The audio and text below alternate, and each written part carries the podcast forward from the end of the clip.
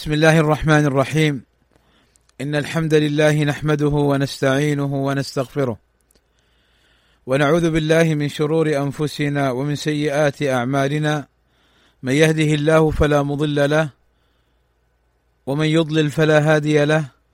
وأشهد أن لا إله إلا الله وحده لا شريك له. وأشهد أن محمدا عبده ورسوله. ألا وإن أصدق الكلام كلام الله.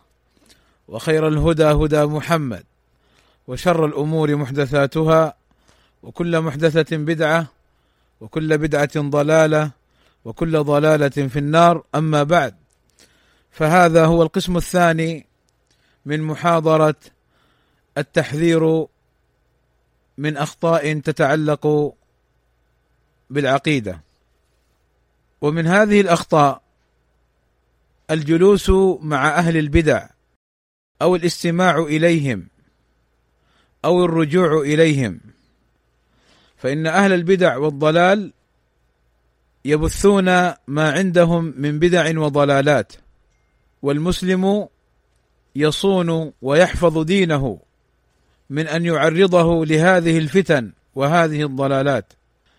قال ابن مسعود رضي الله عنه من أحب أن يكرم دينه فليعتزل مجالسة أصحاب الأهواء فإن مجالستهم ألصق من الجرب يعني من يجالسهم تنتقل إليه العدوى فيوافقهم في بدعهم وضلالهم. لذا الهجر له مصالح يحققها حتى على الهاجر نفسه له مصلحة في هجر أهل البدع وذلك بأن يحمي نفسه وقلبه من أفكار وضلالات أهل البدع. قال ابن عباس رضي الله عنهما لا تجالس أهل الأهواء فإن مجالستهم ممرضة للقلوب. وقال أبو قلابة لا تجالسوا أهل الأهواء ولا تجادلوهم فإني لا آمن أن يغمسوكم في ضلالتهم أو يلبسوا عليكم ما كنتم تعرفون. والنبي صلى الله عليه وسلم لما ذكر آية آل عمران والتي فيها قوله سبحانه وتعالى هو الذي أنزل عليك الكتاب منه آيات محكمات هن أم الكتاب وأخر متشابهات. فأما الذين في قلوبهم زيغ فيتبعون ما تشابه منه ابتغاء الفتنة وابتغاء تأويله. وما يعلم تأويله إلا الله. والراسخون في العلم يقولون آمنا به. كل من عند ربنا وما يذكر إلا أولو الألباب. فإن النبي صلى الله عليه وسلم لما تلا هذه الآية قال لعائشة رضي الله عنها فإذا رأيت الذين يتبعون ما تشابه منه فأولئك الذين سمى الله فاحذروهم. أو كما قال عليه الصلاة والسلام فالنبي صلى الله عليه وسلم يحذرنا من الذين يتبعون المتشابه والذين يتبعون المتشابه هم أهل الباطل أهل البدع والأهواء. وكما قال ابن سيرين إن هذا العلم دين فانظروا عمن تأخذون دينكم. فالجلوس عند أهل البدع ولو كان عندهم شيء من العلم ولو كان عندهم كثير من المحفوظات ولكن عندهم بدع وضلالات فإن الجلوس معهم خطير جدا. بل قال ابن بطة وغيره من أهل السنة قالوا إن اناسا جالسوا اناسا من أهل البدع على سبيل المناصحة فما لبثوا وأنصاروا مثلهم. يعني جالسوهم لينصحوهم وليبينوا لهم الحق من الباطل. ولكن هذه المجالسة طالت وخرجت عن صورتها الحقيقية وعن هدي السلف الصالح فانتقلت إليهم العدوى وصاروا مثلهم في تلك الأفكار وفي تلك الانحرافات. قال ابن رجب رحمه الله تعالى مبينا هجر أهل البدع وتحذير الناس منهم وأن في ذلك مصلحة عامة للناس ليبتعدوا عن أهل البدع. قال ابن رجب أهل البدع والضلال ومن تشبه بالعلماء وليس منهم فيجوز بيان جهلهم وإظهار عيوبهم تحذيرا من الاقتداء بهم. أقول إخواني بارك الله فيكم ليعلم الجميع أن السلفيين حين يحذرون من أهل الأهواء والبدع ليس المقصود عندهم الغيبة والطعن في الناس وتتبع العثرات والغلو في التجريح كما يقول بعض الناس وإنما شأنهم في ذلك وحالهم في ذلك ومقصدهم في ذلك اتباع النصوص الواردة في الكتاب والسنة وما جاء عن سلف الأمة. فليعلم ذلك وليعرف مقصود أهل السنة والجماعة في التحذير من أهل البدع والأهواء. ومن الأخطاء قول بعضهم أوجدته الطبيعة أو هذا من صنع الطبيعة أو هذا عطاء الطبيعة وهذا فيه جعل الطبيعة إلها خالقا من دون الله وهذا خطأ والصواب أن يقال خلقه الله. أوجده الله ونحو ذلك. قال الله تعالى الله خالق كل شيء. ومن الأخطاء قول بعضهم شاءت الظروف والصواب أن يقال شاء الله وقدره. ولا يقال شاءت الظروف. ومن الأخطاء الذي يقع فيها بعض المسلمين مما يتعلق بالعقيدة سب الدهر. فعن أبي هريرة رضي الله عنه أن رسول الله صلى الله عليه وسلم قال قال الله عز وجل يؤذيني ابن آدم يسب الدهر وأنا الدهر أقلب الليل والنهار أي أنا خالق الدهر أي أنا خالق الدهر فالله هو الذي خلق الدهر. وقال صلى الله عليه وسلم قال الله تعالى يؤذيني ابن آدم يقول يا خيبة الدهر. فلا يقولن أحدكم يا خيبة الدهر فإني أنا الدهر أقلب ليله ونهاره فإذا شئت قبضتهما. وعن أبي هريرة عن النبي صلى الله عليه وسلم أنه قال لا تسبوا الدهر فإن الله هو الدهر. قال العلماء رحمهم الله تعالى سب الدهر ثلاثة أنواع. الأول أن يقصد الخبر المحض دون اللوم فهذا جائز. كأن يقول اليوم عصيب أو اليوم شديد الحر.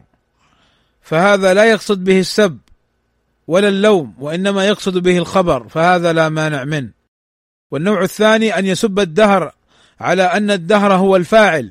فهذا شرك أكبر لأنه اعتقد أن مع الله خالقا. والثالث أن يسب الدهر وهو يعتقد أن الله هو الفاعل. ولكن يسب الدهر لأنه محل هذه المصائب التي حصلت له فهذا محرم. ومن الأخطاء أيضا قول بعضهم شاءت الأقدار والصواب كما مر أن يقال شاء الله وقدره. ومن الأخطاء قول بعضهم فلان كافر أو يهودي أو علماني أو طاغوت أو فرعون هذه الأمة أو فلان إبليس فهذه العبارات فيها فيها تكفير. يهودي علماني طاغوت كافر. انظروا إلى قول النبي صلى الله عليه وسلم. أيما امرئ قال لأخيه يا كافر فقد باء بها أحدهما. إن كان كما قال وإلا رجعت عليه أي على قائلها. فلا يجوز أن تقول لأخيك المسلم يا كافر ولا أن تقول له يا يهودي أو يا نصراني أو يا علماني فإن هذه العبارات تكفير تعني أن صاحبها كافر أو طاغوت فلان طاغوت أو أن فلان فرعون هذه الأمة وهذا كثيرا ما يطلقه العامة أو أصحاب الأهواء من الأحزاب السياسية. يطلقونه على الحكام وعلى الأمراء فيقولون فلان أي الحاكم الفلاني فرعون هذه الأمة ألا ساء ما يقولون؟ فإن هذه العبارة فيها تكفير. وكذا قول بعض الآباء أو بعض الأمهات أو بعض العامة لأبنائهم أو إخوانهم أو أصحابهم أنت إبليس. فهذه العبارة خطأ لأن فيها تكفير كما نبه على ذلك شيخ الإسلام ابن تيمية رحمه الله تعالى. ومن الأخطاء التي يقع فيها بعض العامة وهي خطيرة جدا سب الله أو الرسول صلى الله عليه وسلم. فإن سب الله أو سب الرسول صلى الله عليه وسلم أو سب الدين الذي جاء به الرسول صلى الله عليه وسلم ردة وخروج عن دائرة الإسلام بإجماع علماء المسلمين يستحق صاحبه القتل إذا لم يتب منه كما نص على ذلك أهل العلم. فلا يجوز لك يا عبد الله وأنا أحذر إخواني وأخواتي في بعض البلاد الإسلامية التي فشى فيها الجهل والتي يظهر فيها التأثر بعادات وتقاليد الغرب فإن كثيرا من إخواننا هناك يشتكون من أقربائهم ومن أهاليهم أن بعضهم قد يسب الله أو يسب الرسول صلى الله عليه وسلم أو يسب الإسلام. فلا شك أنه يجب عليهم جميعا أن يعلموا أن هذا الأمر عظيم وخطير جدا وعليهم أن يتقوا الله عز وجل وأن يتركوا ويقلعوا عن هذه الأقوال التي تردي صاحبها والعياذ بالله. ومن الأخطاء الاستهزاء بالدين أو بشيء من سنة النبي صلى الله عليه وسلم. ومن الأخطاء الاستهزاء بالدين أو بشيء من سنة النبي صلى الله عليه وسلم. ولو كان سنة فإن الاستهزاء بشيء جاء به النبي صلى الله عليه وسلم عند أهل العلم يعتبر ردة وكفر. قال الله تعالى ولئن سألتهم ليقولن إنما كنا نخوض ونلعب. قل أبي الله وآياته ورسوله. كنتم تستهزئون. لا تعتذروا قد كفرتم بعد إيمانكم. فهؤلاء كانوا يتضاحكون ويتسامرون في طريقهم وفي سفرهم فيقولون كلاما من باب السخرية والاستهزاء فكفروا فقالوا ما رأينا مثل محمد وأصحابه أرغب بطونا يعني يأكلون كثيرا وأجبن عند اللقاء يخافون عند لقاء العدو فكفروا بهذه الكلمات التي ظنوا أنهم حين قالوها استهزاء ومزاحا أنهم لا شيء عليهم. فنزلت الآيات تكفرهم بعد إيمانهم وأنهم قد ارتدوا بهذا العمل. وإني أذكر أيضا إخواني وأخواتي في كثير أو في بعض رسائل الجوال فيها شيء من الاستهزاء بالدين أو شيء من الاستهزاء بسنة النبي صلى الله عليه وسلم. فمثل هذه الرسائل لا يجوز إرسالها ولا يجوز قراءتها. ولا يجوز أن تقع بين المسلمين لأن الاستهزاء بشيء من الدين هو كفر والعياذ بالله. ومن الإخطاء التي يقع فيها بعض الناس ما يعرف بالأسورة النحاسية.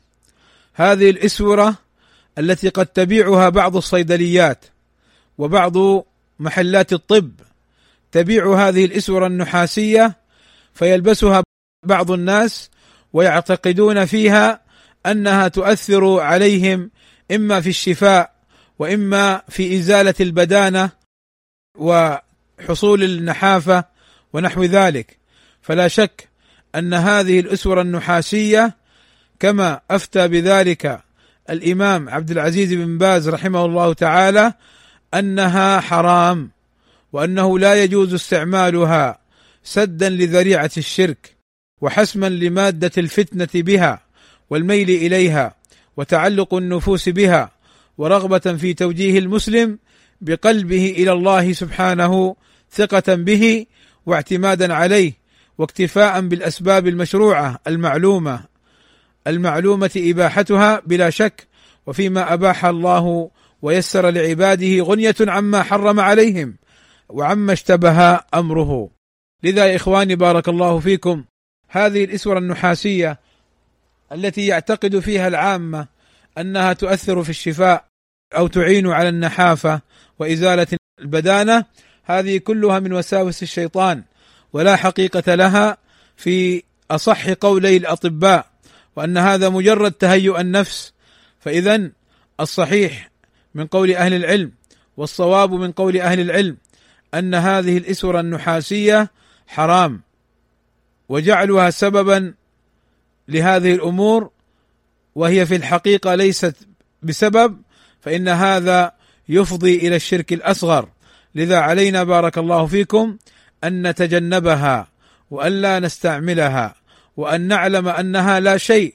بل حكم الأطباء أن تأثيرها على المريض إنما هو بوساوسه وتهيؤاته لا في حقيقة أمرها فلا علاقة بين الإسورة النحاسية وبين النحافة أو بين الشفاء المزعوم. ومن الأخطاء التي يقع فيها بعض المسلمين التطير. والطيرة هي التشاؤم من الشيء المرئي أو المسموع أو المعلوم وهي مضادة للفأل. والتشاؤم هو عد الشيء مشؤوما ان يكون سببا في وجود ما يحزن ويضر. والمراد بالشؤم النحس. والطيرة من عادات الجاهلية حيث كانوا يعتمدون على الطير. فإذا خرج أحدهم لأمر فإن رأى الطير طار يمنة أي جهة اليمين تيمن به واستمر في شأنه واستبشر. وإن رآه طار يسرة أي جهة الشمال تشاءم به ورجع. فهذه كانت من عادات أهل الجاهلية. ولقد كان بعض عقلاء الجاهلية ينكر التطير ويمتدح بتركه حيث قال شاعرهم الزجر والطير والكهان كلهم مضللون ودون الغيب أقفال. يعني لا علاقة بزجر الطير ولا بالكهانة فكلهم مضللون عن الصواب ولا يعلمون الغيب. وقد بين النبي صلى الله عليه وسلم أن الطيرة شرك حيث قال عليه الصلاة والسلام الطيرة شرك الطيرة شرك الطيرة شرك وما منا ولكن الله يذهبه بالتوكل. يعني من علاج الطيرة لك يا عبد الله أن تتوكل على الله عز وجل وتعتمد على الله عز وجل ولا تتأثر بما رأيت من إنسان أعرج أو شخص أسود أو أبرص أو نحو ذلك. فإن هذه الأشياء التي رأيتها لا علاقة لها بما يقدره الله لك. والمراد به في قوله عليه الصلاة والسلام الطيرة شرك أي شرك أصغر. لأنه اعتمد على هذا السبب الذي لم يجعله الله سببا وهذا يضعف التوكل على الله ويوهن العزيمة وبذلك يعتبر شركا من هذه الناحية. والقاعدة عند أهل العلم أن كل إنسان اعتمد على سبب لم يجعله الشارع سببا فإنه وقع في الشرك الأصغر. والتعلق بالأسباب كما ذكر أهل العلم أقسام. القسم الأول التعلق بشيء لا يمكن أن يكون له تأثير ويعتمد عليه اعتمادا كاملا وهذا شرك أكبر. والثاني أن يعتمد على سبب شرعي صحيح مع غفلته عن المسبب وهو الله فهذا نوع من الشرك ولا يخرج من الملة. والثالث أن يتعلق بالسبب تعلقا مجردا لكونه سببا مع اعتماده الأصلي على الله فهذا لا ينافي التوحيد أصلا. فهذا لا ينافي التوحيد أصلا ولا كمالا. ولو اعتقد هذا المتشائم المتطير أن هذا فاعل دون الله فهو مشرك شركا أكبر لأنه جعل لله شريكا في الخلق والإيجاد. قال الإمام العثيمين رحمه الله تعالى اعلم أن التطير ينافي التوحيد من وجهين. الأول أن المتطير قطع توكله على الله واعتمد على غير الله. والثاني أنه تعلق بأمر لا حقيقة له بل هو وهم وتخييل فأي رابطة بين هذا الأمر وبين ما يحصل له. انتهى. والمسلم مع الطيره لا يخلو من عدة حالات، الحالة الأولى أن لا تؤثر فيه الطيره ولا يلتفت إليها أصلا. فهذا من أعلى درجات التوكل على الله. والحالة الثانية أن تقع في قلبه الطيره ولكن لم ترده. فإن ذلك لا يضر كما في حديث ابن مسعود وما منا إلا ولكن الله يذهبه بالتوكل. والحالة الثالثة أن يمضي في شأنه لكن في قلق وهم وغم يخشى من تأثير هذا المتطير به فهذا ناقص التوكل ولكنه أهون ممن ردته الطيرة. الحالة الرابعة أن ترده الطيرة ويستجيب لهذه الطيرة ويدع العمل وهذا من أعظم التطير والتشاؤم وهو من الشرك. وكفارة من وقع في الطيرة أن يقول الذكر الوارد عن النبي صلى الله عليه وسلم اللهم لا خير إلا خيرك ولا طير إلا طيرك ولا إله غيرك. فقد أخرج الإمام أحمد في المسند من حديث عبد الله بن عمرو رضي الله عنهما قال قال رسول الله صلى الله عليه وسلم من ردته الطيرة من حاجة يعني من أمر أراد أن يقضيه أراد الخروج فامتنع أراد فعل أمر فامتنع من ردته الطيرة من حاجة فقد أشرك. قالوا يا رسول الله ما كفارة ذلك؟ قال أن يقول أحدهم اللهم لا خير إلا خيرك ولا طير إلا طيرك ولا إله غيرك. إخواني بارك الله فيكم هناك أمور هي من باب التشاؤم والطيرة. قد يقع فيها بعض الناس وهو يظن أنها ليست من الطيرة. فأذكر هذه الأنواع لئلا نقع في ذلك ولنحذرها ولنحذر بها مجتمعنا أن يقعوا في مثل هذا الأمر. فمن أنواع وصور التشاؤم والطيرة التشاؤم بالبومة. فالبومة هذا الطائر بعض الناس إذا رآه ظن أنه ستحل عليه مصيبة أو فاجعة أو نحو ذلك. أيضا التشاؤم بشهر صفر أو شهر شوال أو بعض الأيام من أيام الأسبوع. فإن هذا كله من الطيرة. فإن هذه الأيام لا تعلق لها بتلك المصائب أو بما يحصل للإنسان من ضر. فجعلها وربطها بتلك المصائب هو من باب الطيرة والتشاؤم المحرم. ومنها أيضا التشاؤم برؤية الأبرص أو الأعرج. أو الأعمى. ما ذنبهم هؤلاء حتى يتشاءم منهم ولا دخل لهم فيما يحصل للإنسان. فلا يجوز التشاؤم بهؤلاء. ومنها التشاؤم بالعطاس. فإذا سمع العاطس تشاءم منه وتطير. وهذا لا شك أنه خطأ عظيم. لماذا؟ لأنه يتشاءم من أمر يحبه الله.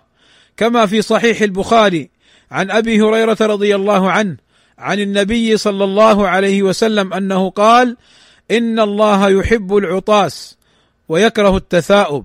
فالذي يتشاءم بالعطاس إنما تشاءم من أمر محبوب إلى الله عز وجل.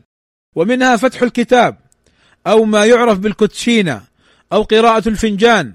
وبعض الناس إذا أراد أن يفعل أمرا فتح القرآن. فإن كانت آية رحمة ونعيم فعله. وإن كانت آية عذاب لم يفعله فهذا لا يجوز فعله لأنه من التطير المنهي عنه لأنه يتشاءم بآيات الله والعياذ بالله.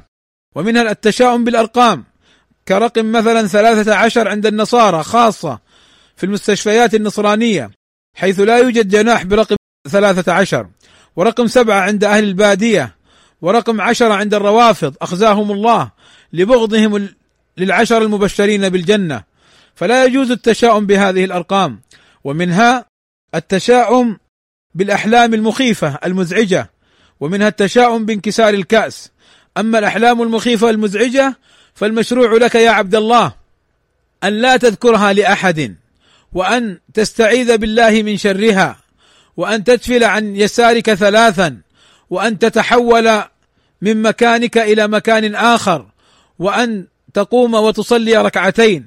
هذا هو المشروع عن النبي صلى الله عليه وسلم فيما فيما ورد عنه صلى الله عليه وسلم فيما يتعامل به المرء مع الأحلام المزعجة والتي هي من الشيطان والتي هي من الشيطان ومنها التشاؤم بانكسار الكأس.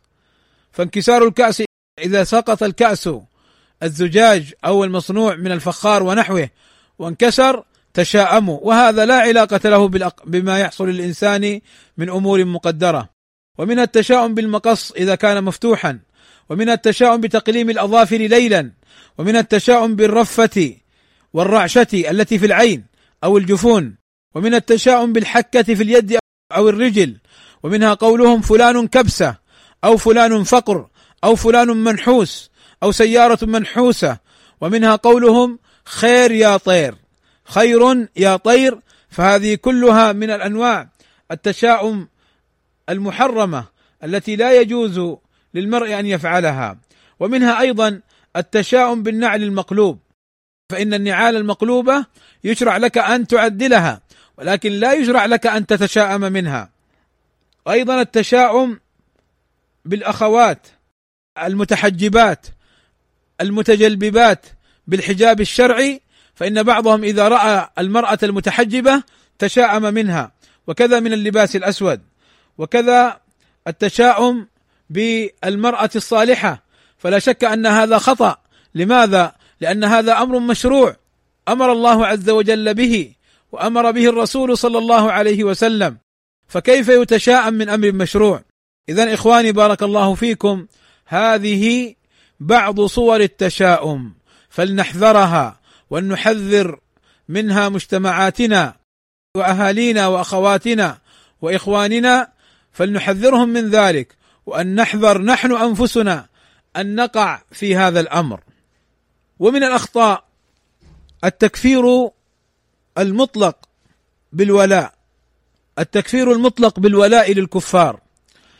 والولاء هو محبة المؤمنين ونصرتهم والنصح لهم وإعانتهم لأجل إيمانهم. وأما البراء فهو بغض الكفار وعداوتهم والبعد عنهم. والولاء للكفار قسمان قسم كفري وهو تولي الكفار ومحبتهم ونصرتهم لأجل دينهم فهذا كفري. وقسم آخر ليس بكفري وقد يكون جائزا كالإحسان إلى الكافر غير الحربي. وقد يكون محرما كمشابهة الكفار فيما هو من خصائصهم. وقد يكون مستحبا كالإحسان إلى الكافر لاستئلافه ودعوته وقد يكون واجبا كبر الوالدين الكافرين أو أحدهما وقد يكون مكروها كاستخدام الكافر مع وجود المسلم الذي يغني عنه. فهنا يظهر لنا بارك الله فيكم أن التكفير بمطلق الولاء للكفار هو منهج الخوارج والتكفيريون ومنهج تنظيم القاعدة والدواعش والحدادية ونحوهم الذين يكفرون الناس جزافا ويكفرون الناس بالباطل. وأما أهل السنة والجماعة السلفيون فإنهم يكفرون من كفره الله ورسوله وما دلت عليه النصوص الشرعية. وأما ما سوى ذلك مما دلت النصوص على عدم كفرهم فإنهم لا يكفرونهم ولا يتجاوزون الكتاب والسنة ولا ما كان عليه سلف الأمة. ومن الأخطاء الرياء والسمعة. والرياء مأخوذ من الرؤية. وهو إظهار العبادة لقصد رؤية الناس. ليراه الناس فيحمدون صاحبها. وأما السمعة فهو إظهار العباده لقصد إسماع الناس كقراءة القرآن والوعظ والذكر والتحديث بما عمله من الصالحات. فالرياء والسمعة من الأعمال المبطلة للعمل. الرياء والسمعة من الأمور التي إذا خالطت العبادة أبطلتها. قال الله عز وجل في الحديث القدسي أنا أغنى الشركاء عن الشرك. من عمل عملا أشرك فيه معي غيري تركته وشركه. فالله عز وجل غني عن أن يكون له شريك. إذا عملت الطاعة يا عبد الله فاعملها لوجه الله عز وجل. الناس هؤلاء مخلوقون أمثالك لماذا تعمل لهم؟ إنما اعمل لله عز وجل واطلب الثواب من الله عز وجل دون من سواه. ولذلك جاء في الأحاديث ما يدل على ما ذكرته لكم. من ذلك ما رواه محمود بن لبيد أن رسول الله صلى الله عليه وسلم قال إن أخوف ما أخاف عليكم الشرك الأصغر. قالوا وما الشرك الأصغر يا رسول الله؟ قال الرياء يقول الله عز وجل لهم يوم القيامة إذا جزي الناس بأعمالهم اذهبوا إلى الذين كنتم تراءون في الدنيا أي تعملون لأجلهم. اذهبوا إلى الذين كنتم تراءون في الدنيا فانظروا هل تجدون عندهم جزاء؟ الله أكبر. فدل هذا الحديث على خطورة الرياء. وأيضا العمل الذي خالطه الرياء لا يقبله الله عز وجل. كما سبق معنا في الحديث القدسي الذي قال الله تبارك وتعالى فيه أنا أغنى الشركاء عن الشرك من عمل عملا أشرك فيه معي غيري تركته وشركه. فقوله من عمل عملا أشرك معي غيري أي من قصد بعمله غيري من المخلوقين. تركته وشركة. والرياء خطير جدا وخفي جدا. وقد خافه النبي صلى الله عليه وسلم على أمته. أكثر من فتنة الدجال. لأنه قد لا يشعر به المرائي فيقع في الرياء من حيث لا يشعر. فعن أبي سعيد الخدري رضي الله عنه قال خرج علينا رسول الله صلى الله عليه وسلم ونحن نتذاكر المسيح الدجال. فقال ألا أخبركم بما هو أخوف عليكم عندي من المسيح الدجال؟ قلنا بلى. فقال صلى الله عليه وسلم الشرك الخفي. أن يقوم الرجل يصلي فيزين صلاته لما يرى من نظر رجل. وهذا هو الرياء. وسماه خفيا لأن صاحبه يظهر أن عمله لله وقصد غيره أو أشركه فيه بتزيين صلاته لأجله. وهنا قد يسأل سائل متى يقبل العمل ومتى يرد؟ فالمقبول من العمل ما كان خالصا لله موافقا لسنة رسول الله صلى الله عليه وسلم. والمردود من العمل ما فقد الوصفين أو أحدهما. فإذا كان العمل غير خالص لله لا يقبل. وإذا كان العمل على غير سنة رسول الله صلى الله عليه وسلم لا يقبل. فينبغي أن نعرف هذه الأمور. ولعل سائلا يسأل طالبا لمزيد من الإيضاح فيما يتعلق بالعمل إذا دخل عليه شيء من الرياء. ما موقفه؟ نقول كما قال أهل العلم هذا له أحوال.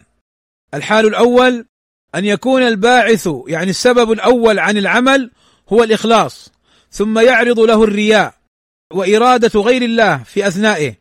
فهذا المعتبر فيه الباعث الأول. ما لم يفسخه بإرادة جازمة لغير الله فيكون حكمه حكم قطع النية في أثناء العبادة وفسخها.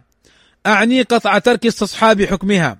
فاذا إذا نوى بعمله وجه الله عز وجل مخلصا لله عز وجل ثم عرض له الرياء فدفعه فيستمر في عمله. وأما إذا استمر فيه الرياء وأثر عليه واستحكم فإنه قد أبطل عمله بذلك. الصورة الثانية أن يكون الباعث الأول السبب الأول للعمل هو الرياء. ثم يعرض له قلب النية لله فهذا لا يحتسب له بما مضى من العمل ويحتسب له من حين قلب نيته. ثم إن كانت العبادة لا يصح آخرها إلا بصحة أولها وجبت الإعادة كالصلاة. وإلا لم تجب كمن أحرم لغير الله كمن أحرم للعمرة أو للحج لغير الله ثم قلب نيته عند الوقوف أو الطواف. عند الوقوف بعرفة أو الطواف فصحح نيته فإنه يصح عمله. والثالث أن يبتدئها مريدا بها وجه الله والناس فيريد أداء فرضه والجزاء والشكور من الناس. وهذا كمن يحج ليسقط الفرض عنه وليقال فلان حاج أو يعطي الزكاة ليسقط فريضة الزكاة عنه وكذلك ليقال فلان جواد. فهذا لا يقبل منه العمل وإن كانت النية شرطا في سقوط الفرض وجبت عليه الإعادة. وأيضا مما يدخل ويتعلق وله علاقة بباب الرياء خطأ آخر يقع فيه بعض الناس وهو أن يريد الدنيا بعمل الآخرة. فإرادة الدنيا بعمل الآخرة تحبط العمل. وذلك بأن يعمل اعمالا صالحة يريد بها الدنيا إما لقصد المال أو الجاه كمن يتعلم ليأخذ مالا. يعني كمن يتعلم العلم الشرعي ليأخذ مالا. ليس العلم المتعلق بالرياضيات أو الفيزياء أو نحو ذلك لأننا نقول يريد الدنيا بعمل الآخرة. فكمن يتعلم العلم الشرعي ليأخذ مالا أو ليحتل منصبا لكن نيته الحصول على مصالح دنيوية لا لطلب مرضاة الله. والفرق بين هذا وبين الرياء أن الرياء لأجل المدح والثناء. والمريد بعمله الآخرة الدنيا يعمل لدنيا يصيبها كالمال أو المنصب. قال تعالى من كان يريد الحياة الدنيا وزينتها نوفي إليهم أعمالهم فيها وهم فيها لا يبخسون. أولئك الذين ليس لهم في الآخرة إلا النار وحبط ما صنعوا فيها وباطل ما كانوا يعملون. وعن أبي هريرة رضي الله عنه قال قال رسول الله صلى الله عليه وسلم من تعلم علما مما يبتغى به وجه الله عز وجل. لا يتعلمه إلا ليصيب به عرضا من الدنيا. لم يجد عرف الجنة أي رائحة الجنة. لم يجد عرف الجنة يوم القيامة. وعن أبي بن كعب رضي الله عنه وعن جميع صحابة رسول الله صلى الله عليه وسلم. قال قال رسول الله صلى الله عليه وسلم بشر هذه الأمة بالسناء والرفعة والرفعة والدين والنصر والتمكين في الأرض. فمن عمل منهم عمل الآخرة للدنيا لم يكن له في الآخرة نصيب. إخواني بارك الله فيكم. هناك أمور ليست من الرياء. يظنها بعض الناس أنها من الرياء وهي ليست من الرياء. فمن ذلك النشاط في العبادة الحاصل عند الاجتماع مع الآخرين. فهذا النشاط بإذن الله ليس من الرياء. وليس من الرياء تجميل الثياب والنعل ونحوهما. وليس من الرياء كتمان الذنوب وعدم إظهارها بل هو واجب شرعي. إذا لم يكن مقصوده الناس. ومن الأمور التي يخطئ فيها بعض المسلمين هدانا الله وإياهم فيها للصواب ويعمل بها بفضل الله عز وجل أهل الحق المتمسكون بالسنة. العالمون العاملون بها ما يتعلق بالتوسل. فالتوسل هو التقرب إلى المطلوب لغة وأما شرعا هو التقرب إلى الله تعالى بطاعته وعبادته واتباع أنبيائه ورسله وبكل عمل يحبه الله ويرضاه. هذا هو التوسل شرعا. أعيد مرة أخرى. التوسل هو التقرب إلى الله تعالى بطاعته وعبادته واتباع نبيه ورسوله صلى الله عليه وسلم وبكل عمل يحبه الله ويرضاه. وقد قسم العلماء التوسل إلى قسمين. التوسل إلى قسمين. القسم الأول اطلقوا عليه التوسل المشروع لأنه ورد في الشرع ما يدل عليه ويحث به. والثاني سموه التوسل البدعي الممنوع. لأنه لم يرد في الشرع ما يدل عليه بل يشتمل التوسل البدعي على بعض المحاذير الشرعية. والتوسل المشروع المسنون ثلاثة أنواع وصور. الصورة الأولى التوسل إلى الله تعالى باسم من أسمائه الحسنى أو صفة من صفاته العليا كأن يقول المسلم في دعائه أسألك برحمتك التي وسعت كل شيء أن ترحمني وتغفر لي. والنوع الثاني التوسل إلى الله تعالى بعمل صالح قام به الداعي كأن يقول اللهم بإيماني بك ومحبتي لك واتباعي لرسولك اغفر لي. والثالث من أنواع التوسل الشرعي التوسل إلى الله بدعاء الرجل الصالح. وهذا النوع من التوسل وهو دعاء الرجل الصالح له شروط. الشرط الأول أن يكون هذا الرجل صالحا مرضي العمل والثاني أن يكون حيا والثالث أن يكون في أمر يقدر عليه والرابع أن يكون موضوع التوسل امرا مشروعا أو مباحا. فطلب الدعاء من المبتدعة والفساق أو الموتى أو من الأحياء العاجزين أو من الأحياء الغائبين. كل هذا لا يجوز البتة. وأما التوسل الممنوع فهو كل توسل لم يرد في الشرع ما يدل عليه ويسمى بالتوسل البدعي لأنه لا أصل له في الشرع لا في الكتاب ولا في السنة ولا من عمل سلف الأمة. والتوسل الممنوع له ثلاث صور الصورة الأولى التوسل إلى الله بجاه أحد من خلقه كأن يقول اللهم إني أسألك بجاه نبيك أو بجاه فلان عندك أن ترحمني وتغفر لي. فإن هذا لا يجوز أن تقول بجاه فلان يعني بمنزلته ووجاهته هذا توسل بدعي لا يجوز غير مشروع.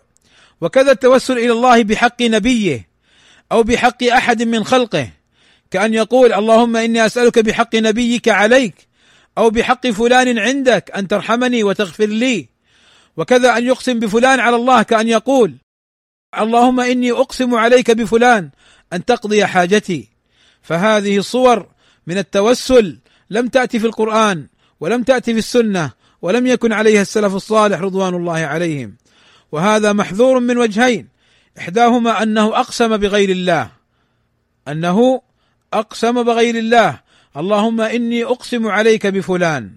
والمحذور الثاني اعتقاده أن لأحد على الله حقا. وهذا من التوسل البدعي غير الشرعي. إن لم يكن شركا فهو ذريعة إليه. والصورة الثانية من التوسل الممنوع البدعي التوسل بذوات الأحياء والأموات من الأنبياء والأولياء والصالحين وبدعائهم والاستغاثة بهم والتوسل بجاههم والنذر لهم والتوجه إليهم بطلب ما لا يقدر عليه إلا الله سبحانه وتعالى.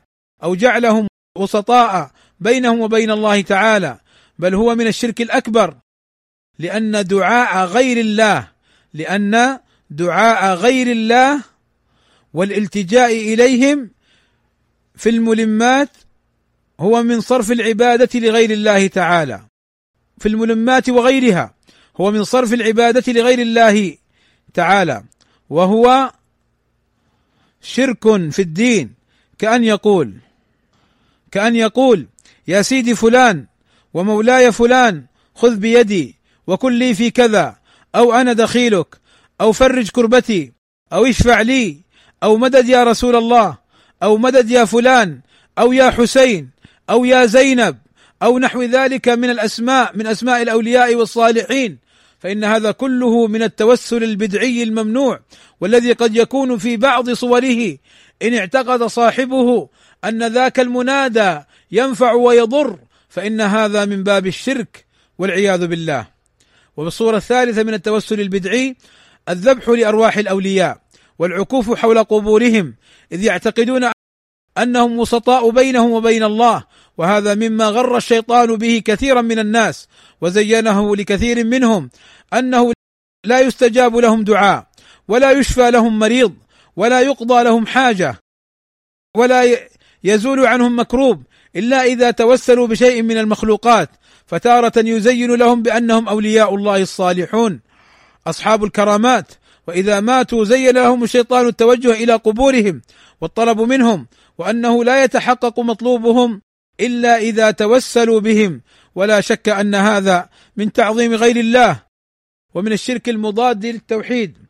الخالص قال الله تعالى واعبدوا الله ولا تشركوا به شيئا. إخواني بارك الله فيكم أيضا من الأخطاء التي يقع فيها بعض المسلمين هدانا الله وإياهم فيها للصواب التبرك. والتبرك هو طلب البركة والبركة كثرة الخير وزيادته واستمراره. والتبرك من أعظم الأسباب المؤدية للوقوع في الشرك وهو نوعان تبرك مشروع والتبرك من حيث هو نوعان. تبرك مشروع وهو فعل العبادة المشروعة طلبا للثواب المترتب عليها والخير الحاصل منها. وتبرك ممنوع وهو قسمان شركي وبدعي. فالتبرك الشركي هو اعتقاد أن المتبرك به يهب البركة بنفسه وذاته استقلالا. ففي الحديث البركة من الله فهذا شرك أكبر. أن يعتقد المرء أن المتبرك به يهب البركة بنفسه وذاته استقلالا هذا شرك أكبر. وأما التبرك البدعي هو التبرك بما لم يرد الشرع بفعله مع اعتقاد أن الله جعل فيه البركة. وهذا شرك أصغر لأنه جعل ما ليس سببا سببا وهو أنواع. التبرك البدعي أنواع. التبرك بالأولياء والصالحين كالتمسح بهم أو الشرب بعدهم. ومن أنواعه التبرك بالأزمان والأماكن والأشياء التي لم يرد الشرع بها كالأحجار والأشجار. ومنها التبرك بالأماكن والأشياء الفاضلة كالكعبة والمساجد الثلاثة. ماذا قال عمر رضي الله عنه بعد أن مسح على الحجر الأسود؟ معلما للناس أنه بفعله هذا معلما للناس أنه بفعله هذا ليس يفعل تبركا بالحجر الأسود وإنما جاء عمر رضي الله عنه إلى الحجر الأسود فقبله فقال إني أعلم أنك حجر لا تنفع ولا تضر ولولا أني رأيت رسول الله صلى الله عليه وسلم يقبلك ما قبلتك. هكذا قال عمر رضي الله عنه قال معلما للناس حتى لا يعتقدوا في الحجر الأسود أنه ينفع ويضر بنفسه وأنه يتبرك به لحصول النفع والضر. فقال رضي الله عنه إني أعلم أنك حجر لا تنفع ولا تضر. دفع باب التبرك الشركي والبدعي لا تنفع ولا تضر. ولولا أني رأيت رسول الله صلى الله عليه وسلم يقبلك ما قبلتك. فهكذا كان عمر رضي الله عنه يقول حين قبل الحجر الأسود. قال الألباني رحمه الله تعالى قال في كتابه كيف يجب علينا أن نفسر القرآن؟ قال هنا لابد من إيراد الحديث الذي أخرجه الشيخان أي البخاري ومسلم في صحيحيهما ليتذكر من شاء أن يتذكر ويعرف بعد المسلمين اليوم عن سلفهم الصالح وعن فقههم. وعن معالجتهم للأمور التي قد تحدث لهم. ذاك الحديث هو عن عباس بن ربيعة قال رأيت عمر بن الخطاب رضي الله عنه يقبل الحجر يعني الأسود ويقول إني لأعلم أنك حجر لا تضر ولا تنفع فلولا أني رأيت رسول الله صلى الله عليه وسلم يقبلك ما قبلتك. قال الألباني وما معنى هذا الكلام من هذا الفاروق؟ لولا أني رأيت رسول الله صلى الله عليه وسلم يقبلك ما قبلتك. اذا لماذا قبل عمر الحجر الأسود؟ وهو كما جاء في الحديث. قال الألباني وهو كما جاء في الحديث الصحيح عن الحجر الأسود الحجر الأسود من الجنة. فهل قبله بفلسفة صادرة منه؟ ليقول كما قال القائل بالنسبة لمسألة السائل إن هذا كلام الله ونحن نقبله. يعني الألباني الآن يقول حول تقبيل القرآن لم يرد عن النبي صلى الله عليه وسلم ولم يرد عن السلف. قال هل يقول عمر هذا حجر أثر من آثار الجنة التي وعد المتقون فأنا أقبله؟ ولست بحاجة إلى نص عن رسول الله صلى الله عليه وسلم ليبين لي مشروعية تقبيله؟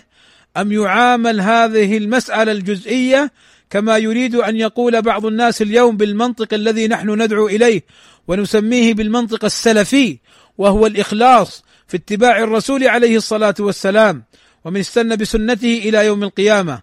هكذا كان موقف عمر فيقول لولا أني رأيت رسول الله صلى الله عليه وسلم يقبلك لما قبلتك. اذا الأصل في هذا التقبيل أن نجري فيه على سنة ماضية لا أن نحكم على الأمور كما أشرنا انفا فنقول هذا حسن وماذا في ذلك؟ إلى آخر كلامه رحمه الله تعالى. اذا فهذا من التبرك الممنوع وعلينا بارك الله فيكم أن نعرف هذه الأمور وأن نجتنبها وأن نتبع سنة النبي صلى الله عليه وسلم. أسأل الله العظيم رب العرش الكريم أن ينفعني وإياكم بما سمعنا وأن يكون حجة لنا لا حجة علينا. وأسأله سبحانه وتعالى أن يجمع بين قلوبنا على الحق وأن يؤلف بين قلوب من اختلف عن الحق وأن يرجعهم إلى الصواب وإلى الحق وأن يؤلف بين قلوب إخواننا السلفيين وأن يزيل البغضاء والشحناء والحسد وكل ما من شأنه أن يفرق بين أهل الحق.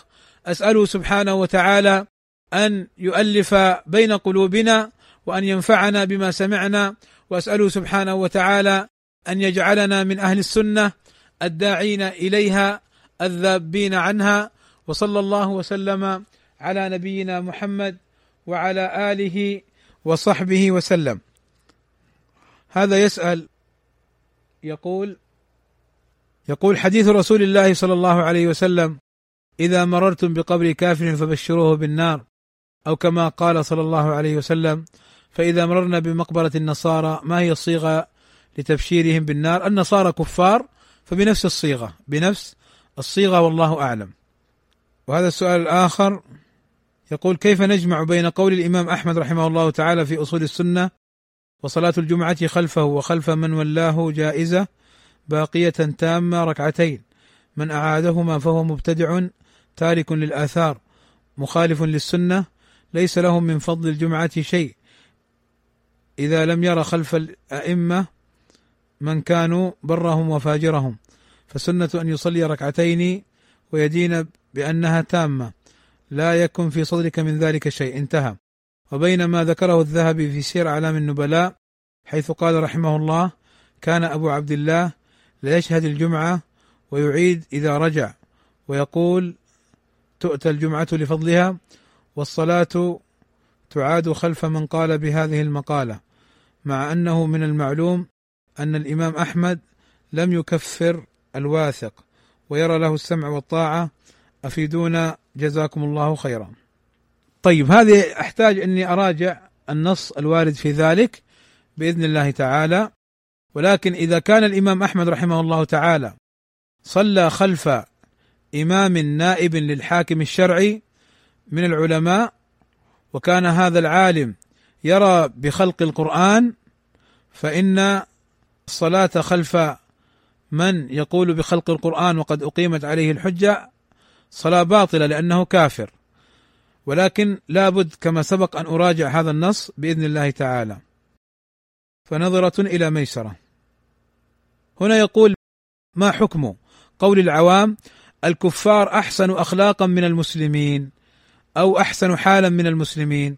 لا شك أن هذا خطأ عظيم لأن الكافر ذنبه بكفره عظيم ولا ذنب أعظم من الكفر. ولو كان من من أجمع الناس في ظاهر الأخلاق فإنه لم يسجد لله عز وجل سجدة ولم يؤمن بالله عز وجل فهو كالأنعام بل أضل. ولذا لا يجوز للمسلم أن يمدح الكفار ويذم المسلمين وخطأ من أخطأ من المسلمين وسوء خلقه لا يذم هذا الإسلام ولا يذم هذا بقية المسلمين بل يذم الفاعل فقط لهذا الخطأ. ولكن أنا أرى مسلما فاسقا فاجرا وأرى كافرا صاحب أخلاق طيبة أقوم أمدح الكافر وأذم المسلم؟ لا. ولا مانع عند أهل العلم من ذكر شيء من أخلاق الكفار الفاضلة لا على سبيل تفضيلهم على المسلمين ولكن على سبيل التعجب من حالهم وأن هذا فيهم هذا لا مانع وقد وردت بذلك أدلة. فلنفرق بين الأمرين. بارك الله فيكم. يقول هل دفاع المرء عن نفسه إذا طعن فيه؟ وبيان تزكيات أهل العلم له هل هذا داخل في الرياء والسمعة إذا كان مخلصا لله عز وجل في قوله وعمله وكان مقصوده رد الافتراء الذي افتري عليه وتبريء ساحته من ذلك الافتراء ويقصد بذلك وجه الله فإنه عند أهل العلم لا يدخل في باب الرياء والسمعة والله أعلم. هذا سائل يقول أنت ذكرت بأنك لم تفتي في القتال في ليبيا. فسؤاله طويل لكن مراده في أي نوع من أنواع القتال الحاصل القديم أم الجديد؟ أنا لم أفتي فيه لا في أوله ولا في آخره. وأنا كما ذكرت لكم أرى أن رأي الإمام ربيع المدخلي حفظه الله تعالى هو الصواب فأنا أتابعه. وأما أنا من حيث أنا أنقل فتوى أهل العلم. أما أن أفتي ابدا بفضل الله تعالى فليس لي لا في القديم ولا في الجديد. بارك الله فيكم. ومثل هذه المسائل إنما يرجع فيها للعلماء الكبار. بارك الله فيكم. وفي هذا القدر كفاية. وصلى الله وسلم على نبينا محمد وعلى آله وصحبه وسلم أجمعين.